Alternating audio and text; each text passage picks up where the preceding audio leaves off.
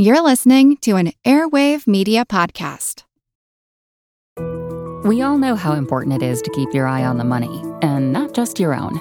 Stay on top of the latest financial and market news with Yahoo Finance, a podcast that releases new episodes almost every day. You'll hear a brief overview of the biggest news in the financial world, all in three minutes or less, right after markets close. Check out Yahoo Finance wherever you get your podcasts. That's Yahoo Finance wherever you get your podcasts. This is Kick Ass News. I'm Ben Mathis.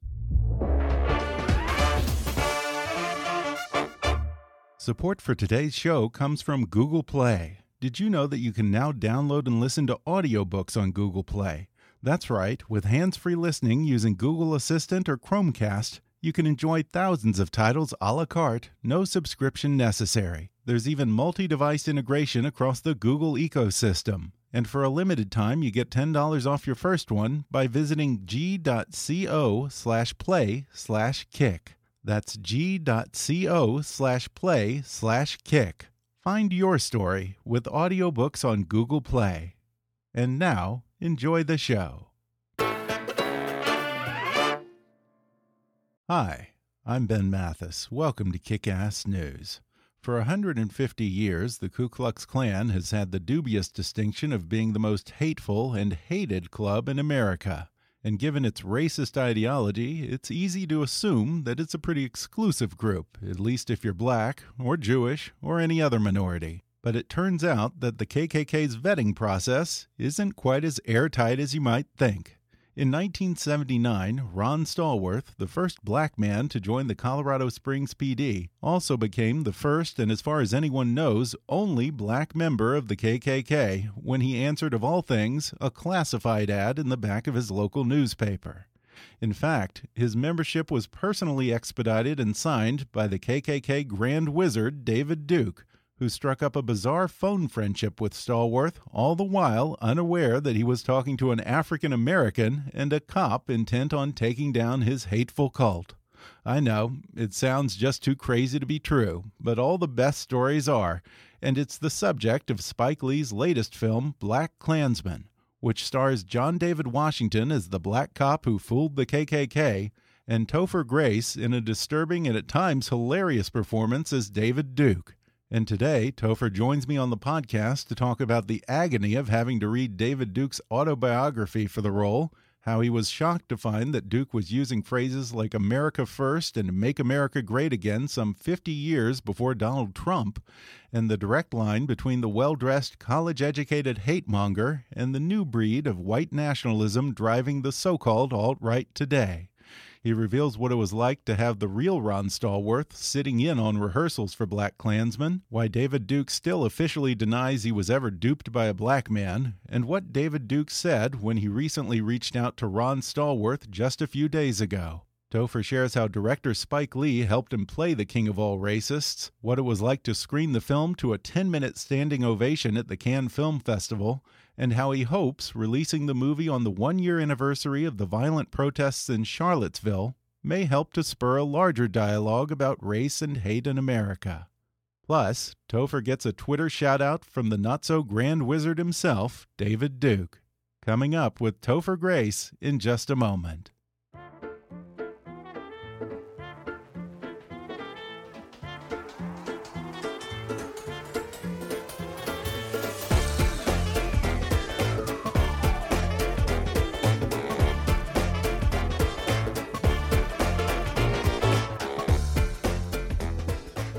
In addition to starring in the hit sitcom That 70s Show, Topher Grace has had memorable roles in films like Traffic, Spider Man 3, In Good Company, and last year's War Machine. Now he's playing, of all people, former KKK leader David Duke in Spike Lee's latest film, Black Klansman. Topher, welcome to the podcast. Thank you. Thanks for having me. And congratulations on the movie. I saw it. You're great in it, oh, and thanks, it's a great man. film. Black Klansman actually opens on Friday, August 10th. I imagine it's no coincidence that it's the one year anniversary of the infamous Charlottesville rally, huh? No coincidence there. Yeah. There's some footage of Charlottesville at the end of the film. It's devastating. Yeah, I'm sure that you must share a little bit of my frustration that here we are in 2018. We think we've made all this progress as a nation, and then all of a sudden, what the KKK is back and you know Nazis are a thing again. I Yeah. mean, it's crazy.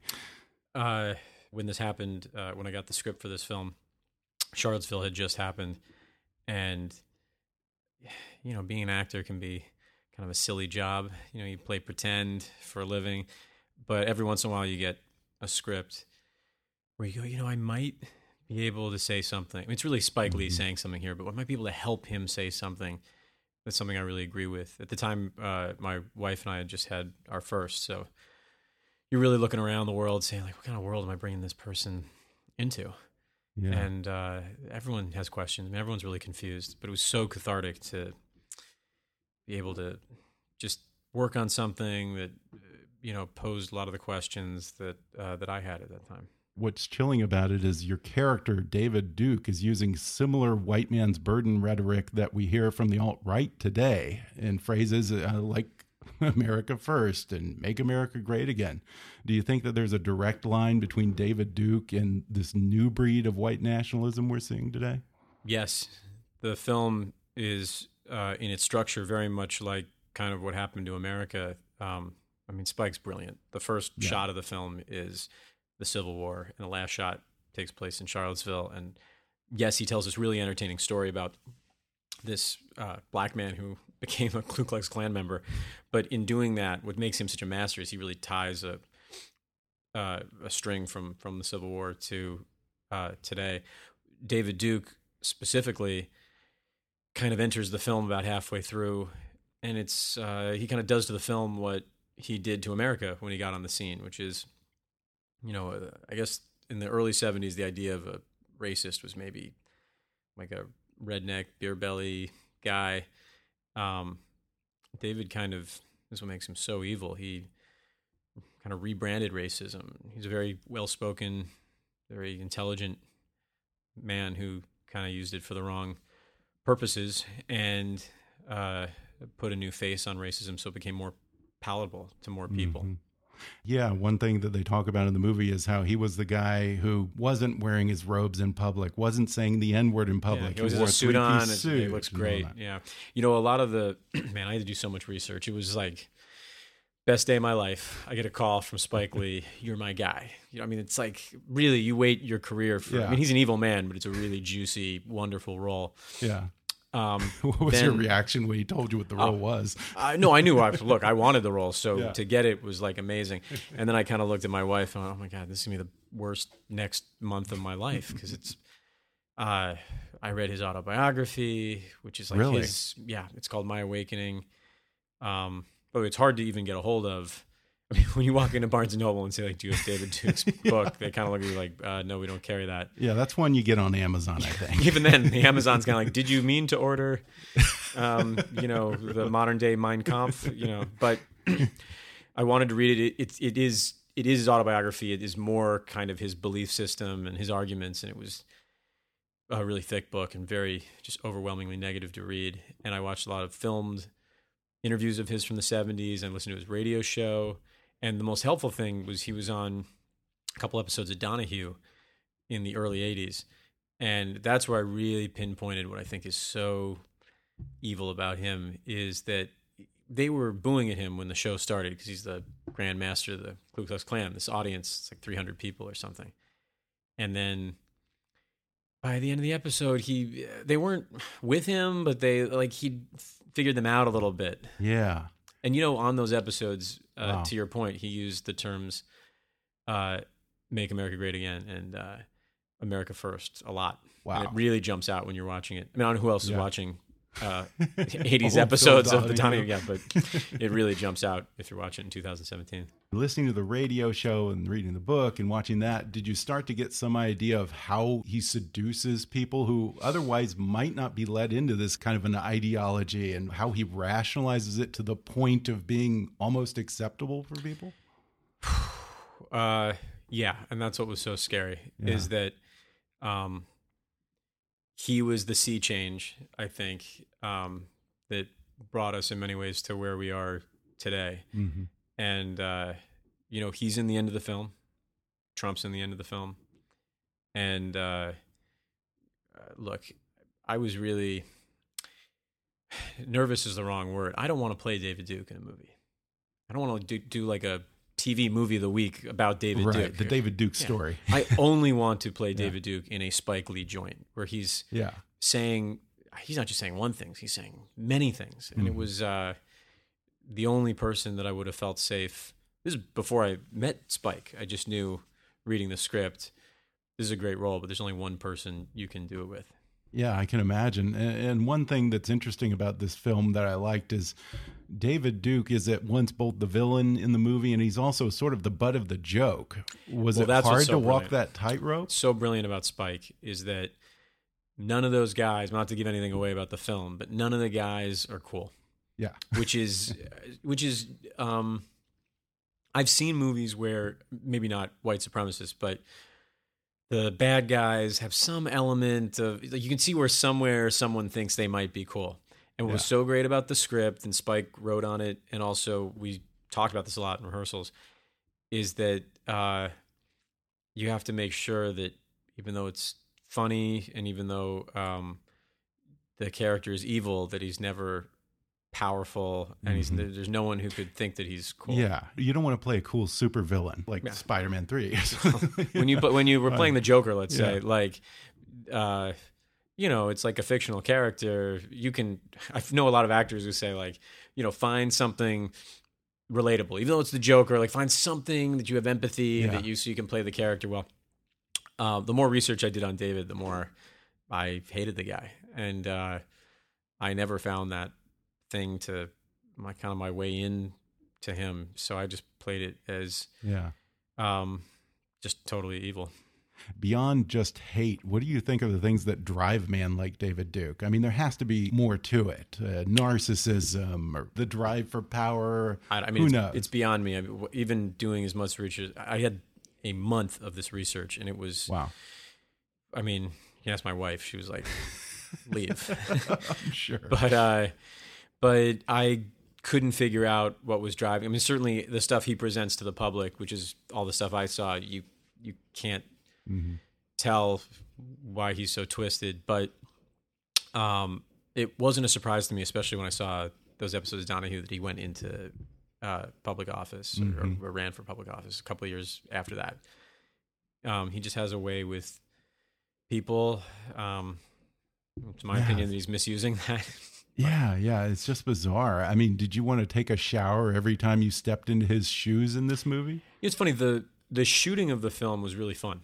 Yeah. Uh, yeah, John David is most of my stuff is with him. He's an amazing actor, so it's really fun to. yeah, John David. Washington, Yeah. Denzel's son, by the way. Yeah. That's right. Yeah, so he actually has been in a Spike Lee film before. He played young Malcolm X in Right. uh, right. Malcolm X twenty years ago.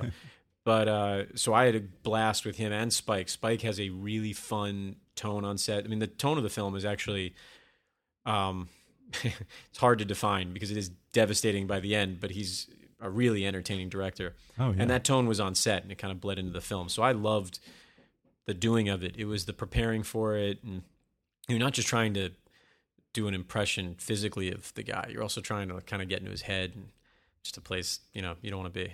Now you're not a method actor, are you? You you weren't going around all. It's funny. I was watching that Jim Carrey, you know that Jim Carrey documentary where yeah, he, exactly. Jim Carrey's like, what was that movie? Uh, Man in the Moon. Yeah. Where he's he acted like Andy Kaufman the whole time. I was like, yeah, well, I mean, it's hard if you're acting as Andy Kaufman twenty four seven.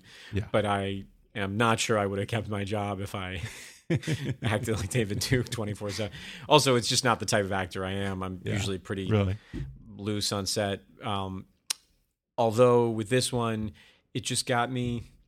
I mean, I'm never someone who brings my work home with me, or I've been doing it a while now, and it's not hard for me normally. But there were a couple days we shot all the KKK rally stuff in one week, and by the end of that week, I was really uh, close to depressed, and that's why you need to be with a great uh, leader like Spike. Yeah. He would come up to me and kind of rub my back a little bit and say like, "Hey, man, like, I know this feels overwhelmingly awful, but you know, I, I know what I'm doing. You're serving my message. You know, Yeah. like, don't worry, I'm Spike Lee.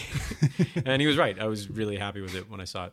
Okay, so there was never any concern that if you were too good, he was going to get pissed off and hate you or something. No, it's it's the opposite. Yeah. Uh, look, a great director like that, you're just lucky as an actor because there aren't that many Yeah. to be able to work with uh, a real visionary like Spike. Uh, they take care of the film, right? The shots and how Mm-hmm. it's going to look and the script, but they also take care of their actors. So even when I went to read for him, I when I said I wanted to play David Duke, like no one saw it. Um, I had just read his the script because I was such a huge fan of his. When I said I wanted to play it, they said, "Well, you got to go in and read for him." And I said, "I'm happy to do it." No, why would anyone know that I'd be able to do this? Um, but even so, it was so awkward at the beginning. Like before I read for him, I said, I, "I'm just," you know, I watched a lot of like YouTube videos uh, from behind the scenes of Django Unchained. Oh yeah, It just, I was like, "How did they do it? Like, how do Yeah. you do it?" yeah. And yeah. then when someone yells cut, uh, and the answer is it is awkward. Yeah. There's no uh, kind of secret to it. But you have a great leader like Spike. What he did was before I started reading, he just went to work making me feel as comfortable as possible. He uses a lot of humor and and he's very sure of himself as he should be. And uh, and I just felt like I then gave him a reading Yeah, that then got me the part. So, you know, it's Yeah. because of him. Yeah, that's really cool because I could imagine it would be really awkward after a take if you're sitting at lunch with like the cast and crew and Yeah. you're like, I was just acting. I was just Well, the one thing job, he guys." he would do is he'd run in. Sometimes if you're in like a comedy film, the director will run in and give you a like a line, like a comedy line. Yeah. They'll just whisper it in your ear, and then you'll say it. And even the other actors didn't know you were going to say it, and you know you kind of get credit for the line essentially. And he'd run in and whisper in my ear, the most racist thing I'd ever heard. I mean, I never even Really? said something like that. And then I'd say, Spike, like, what? you don't have to whisper that to me. Like, you can announce to the whole crew. Then I'm going to say that line. I don't want someone Yeah. to think like, "Whoa, did Topher just mm. come up with that?" He's improvising I mean, yeah, good lord. from the heart. I mean, yeah. So I just made him say Yeah. everything out loud.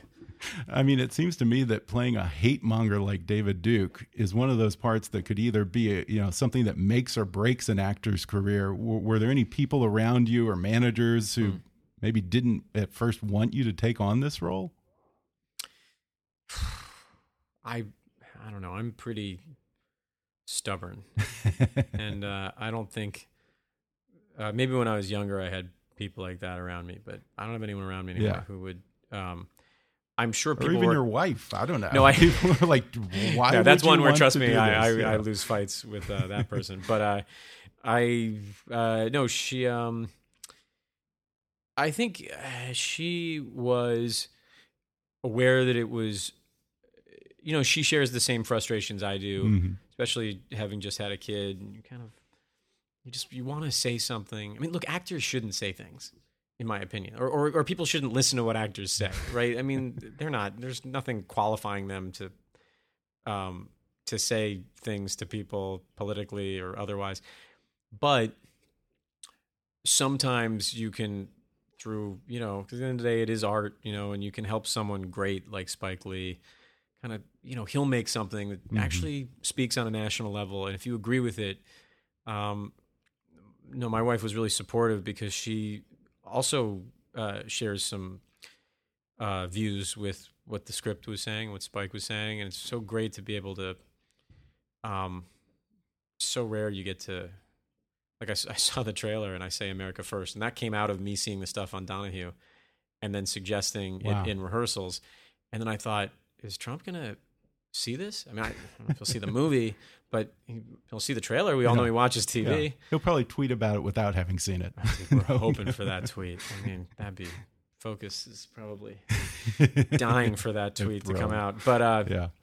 but I remember thinking, oh wow, that was. I mean, talking about an artistic decision Yeah. that then you know might kind of reach that level. That was great. I'll tell you where my wife didn't love it was we had like a newborn and I was rehearsing my lines around the house and she said, "Hey, can you cool it on the hate speech? You know, like please, our daughter." She- Yeah, she's not to- starting to mimic yet, is she? no, she was too young Okay, at that good. time, but um, yeah, I had to go alone, do it in my office or something. We're going to take a quick break, and then I'll be back with more with Topher Grace when we come back in just a minute.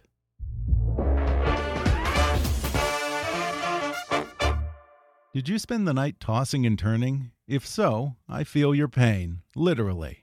Chronic back and neck pain have led to many a sleepless night for me, and even worse is that feeling when you wake up all stiff and achy. That's no way to start your day. I talk a lot on this podcast about the importance of getting a full night's sleep. It's vital to your physical, mental, and emotional health, and even your overall longevity. So if you're struggling to get a good night's sleep, you've got to try a purple mattress. Made with a brand new material that was developed by an actual rocket scientist, the Purple mattress will feel different than anything you've experienced. Unlike traditional memory foam, the Purple mattress is both firm and soft, so it's supportive yet comfortable. Plus, it's breathable, so it sleeps cool. That's a big one for me. And with their 100 night risk free guarantee, if you're not fully satisfied, you can return your mattress for a full refund. Not to mention, it's backed by a 10 year warranty with free shipping and returns. You're going to love Purple. And right now, our listeners will get a free Purple pillow with the purchase of a mattress. That's in addition to the great free gifts they're offering site wide. Just go to purple.com and use my promo code KICK at checkout. That's purple.com code KICK. Remember, the only way to get this free pillow is to use my code KICK at checkout. Purple.com code KICK.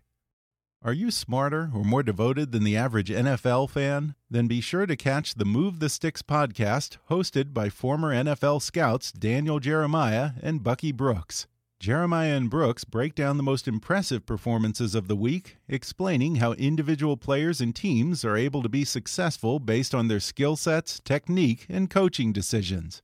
The Move the Sticks podcast provides detailed analysis of the college and pro game from seasoned experts. From the NFL Combine straight through the Super Bowl, there's no offseason on the Move the Sticks podcast.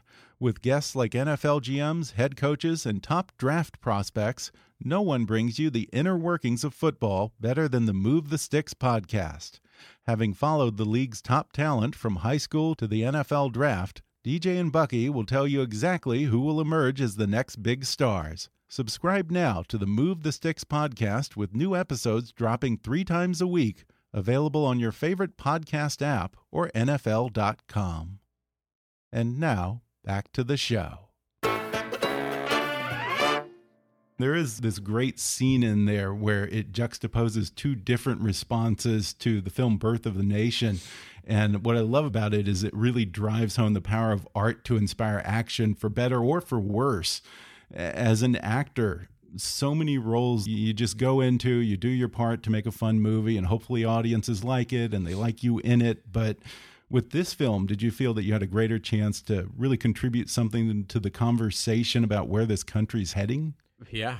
I mean, look, it's really Spike. Uh, he is qualified to speak on that national level. So, what you want to do is get with someone that's, you know, a genius like that and just help them in any way you can. Um, that scene, man, when I saw that when it premiered at the Cannes Film yeah. Festival, I hadn't seen it yet because I was doing a movie in Canada. I went to Cannes and I, I didn't know they'd cross cut what I was doing with Harry Belafonte. He was yeah. 92 years old. Yeah. I mean, like, and a civil rights activist himself. Oh, I mean, yeah.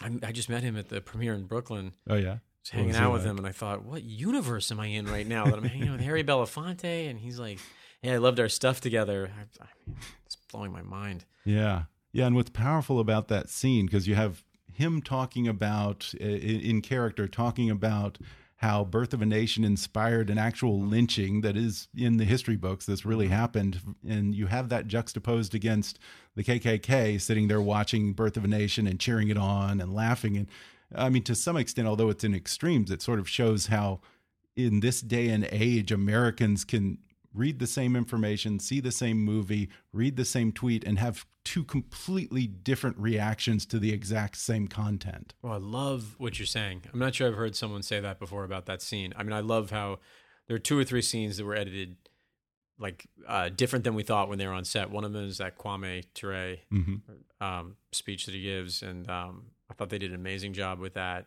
And then when I saw the cross cutting of that scene, um, also he's talking about i mean no one will understand this because they haven't seen the play, but he's talking about Yeah, I don't want to uh, get Harry Belafonte's talking about spying on this, you know, from up in the window, and then uh, John Washington's spying on our thing. And look, it's great craftsmanship, and I love what you're taking from it. I think that's so. You probably experienced some of that on this program. Uh, yeah, more than a few times. Right. Yeah. Now, I, I think that you mentioned earlier that this is actually based on a true story. Uh, it's funny because it kind of reminds me of this old Dave Chappelle skit where he plays a, a Dave Chappelle was at the premiere last night. Yeah, yeah, yeah, it's great. A, there's a skit where he's a blind black man who accidentally joins the Klan. This Yeah. is the real deal. I mean, when tell they us first a little called about Spike, this guy. he when I think when Jordan uh, Peele called um, Spike and said, "Hey, look at this film," or he told him the plot of it. I think Spike's first reaction was, "Do you mean like the Dave Chappelle sketch?" Yeah, And uh, I I thought that uh, I guess I'm sure I thought the same thing when I first got it.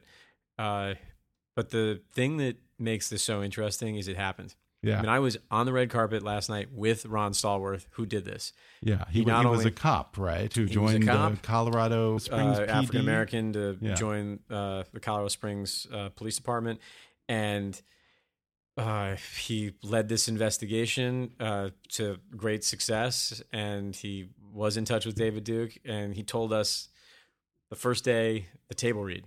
He told us the whole story. I've never had an experience like this where you're doing something based on real life. The guy comes in, he tells us the whole story, then we effectively told it back to him by having a read through Yeah, reading the script. And at the end, they kind of said, "Does uh, someone asked the question like, does David Duke believe that this happened?"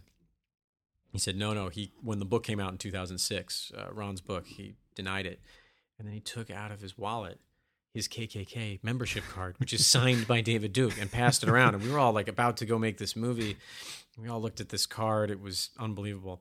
Anyway, about four nights ago, uh, as of this broadcast, uh, David Duke called Ron.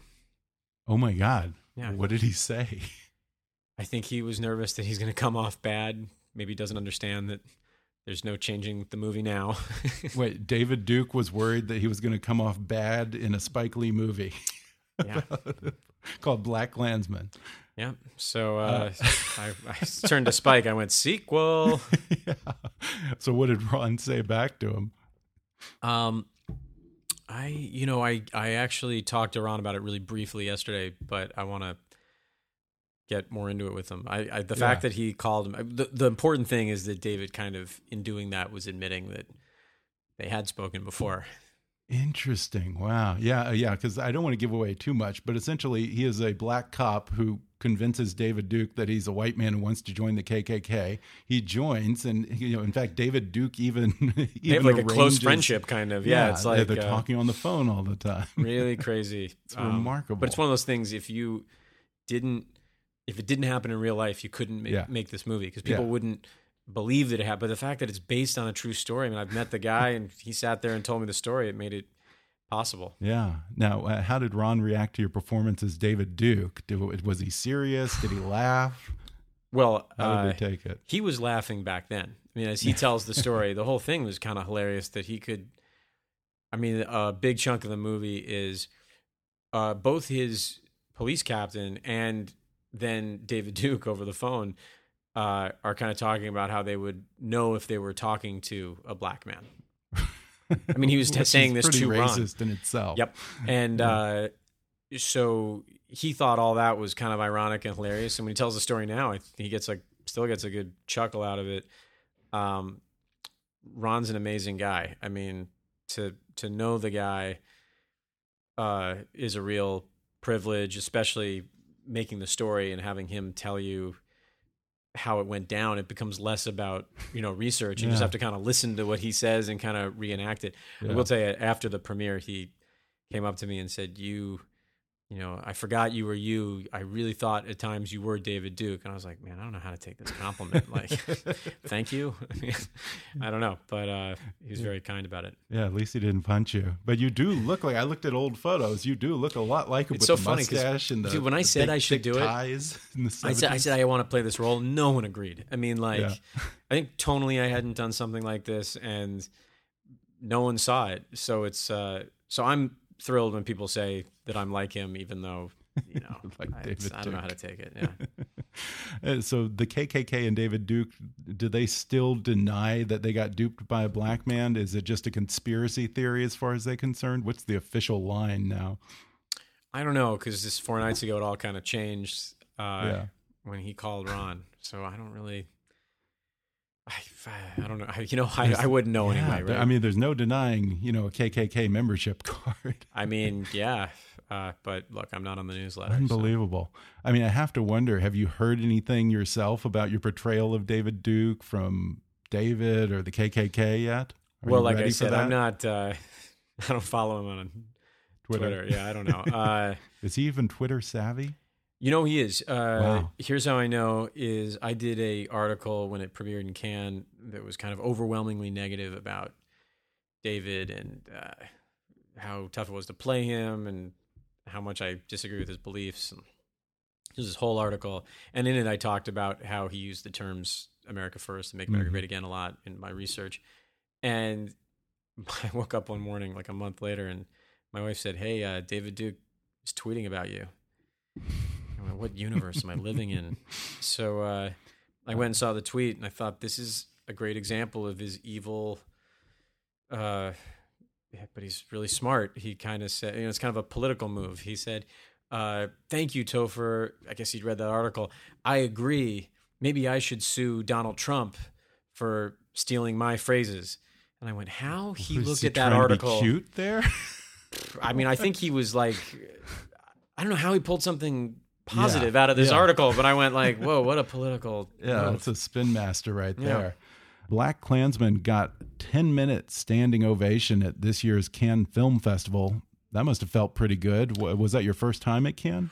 Oh yeah, I've never been to Cannes. I kind of had heard about it a couple times and thought, you know, wouldn't that be neat to go with something? You know, it's obviously you want to go with something that you're as proud of as this film, um, but no one really prepared me for what uh, that could be. I mean, also I hadn't seen the film, so I was hoping it was really good. It felt really good on the set, but I don't think I could have imagined it would have been this good. And we get to this theater, and you know, there's that long red carpet, and there's all this great tradition. But I would have been happy if I saw this film in like the Focus Features like screening room in Studio City or something, Sure. and then to It is excellent. to see it, you know, with two thousand people, and then have people clap for ten minutes afterwards. Like one minute standing ovation is obnoxious. I mean, Yeah. you know what I mean? Like ten minutes. I mean, I don't know what to do.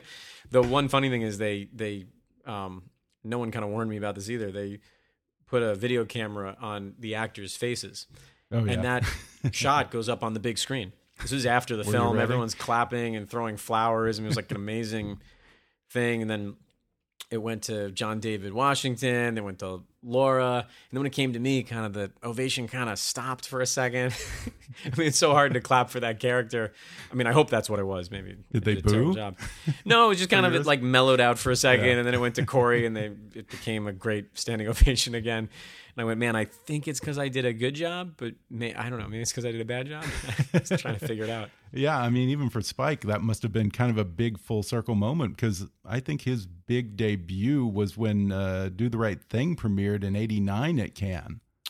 Yeah, he knows what he's doing. Yeah, I mean, it was funny. He had this amazing tuxedo on, and we, as we were walking up the stairs, you know, those famous stairs on the red carpet, I was looking at his his the tails of his tuxedo. And I was like, we're really legitimately riding his coattails, like up this uh, red carpet. But um, you know, I was just so excited to be there with someone who's who's that much of a visionary. Yeah, spending so much time with a genius director like Spike, uh, did that make you maybe want to get into the director's chair one day yourself? All No? that does is prove to you intimidating. It was funny. Chris Nolan, who I had a part in Interstellar, and he was there that night because he was, I think, there with 2001. There's Oh, kind of yeah, some yeah. reissue of that film, and he was in the audience. And I was looking at these two guys, going, first of all, I'm so proud that I just got to work for both of them, and working with people like that, you go. I mean, I could never direct. I mean, I, you can't even touch what they do. Well, you're a hell of a good actor, so let's stick with that for the time I, I being. could play a director in something, maybe. Yeah. Yeah. Also, want to mention that I loved you in War Machine as well as Oh, this. Um, You've certainly done dramatic roles before, but are you interested in more political themes going forward?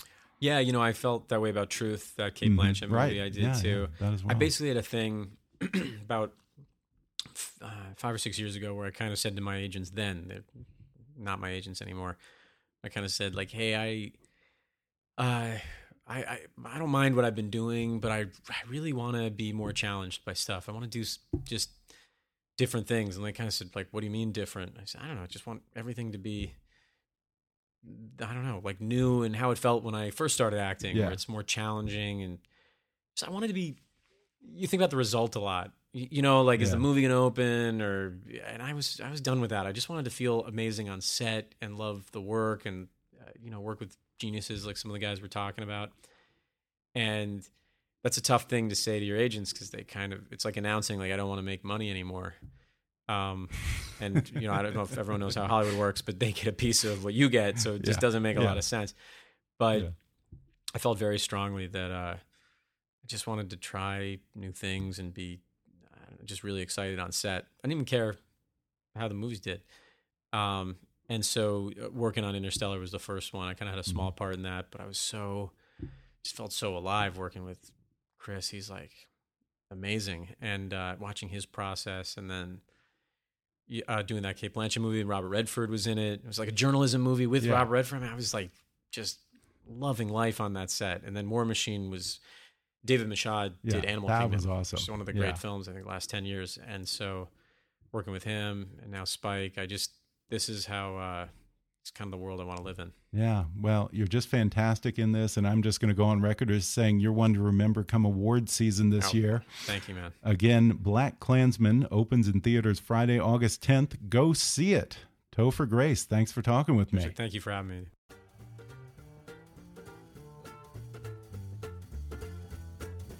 Thanks again to Topher Grace for coming on the podcast. See Spike Lee's Black Klansman now showing in theaters. Check your local listings for showtimes, or for more information, visit focusfeatures.com slash Black Klansman.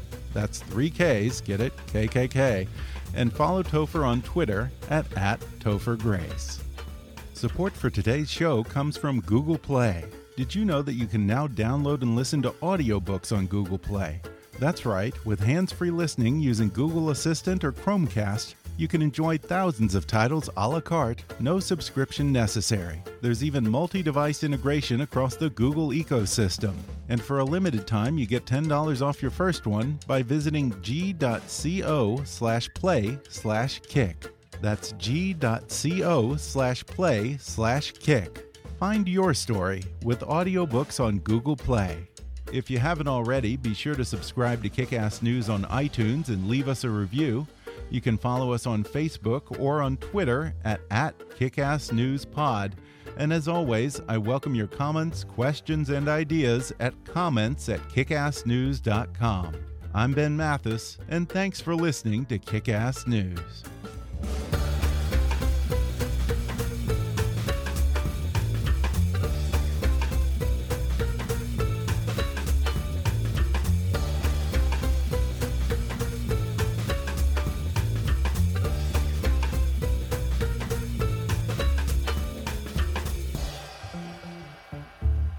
Kickass News is a trademark of Mathis Entertainment, Inc.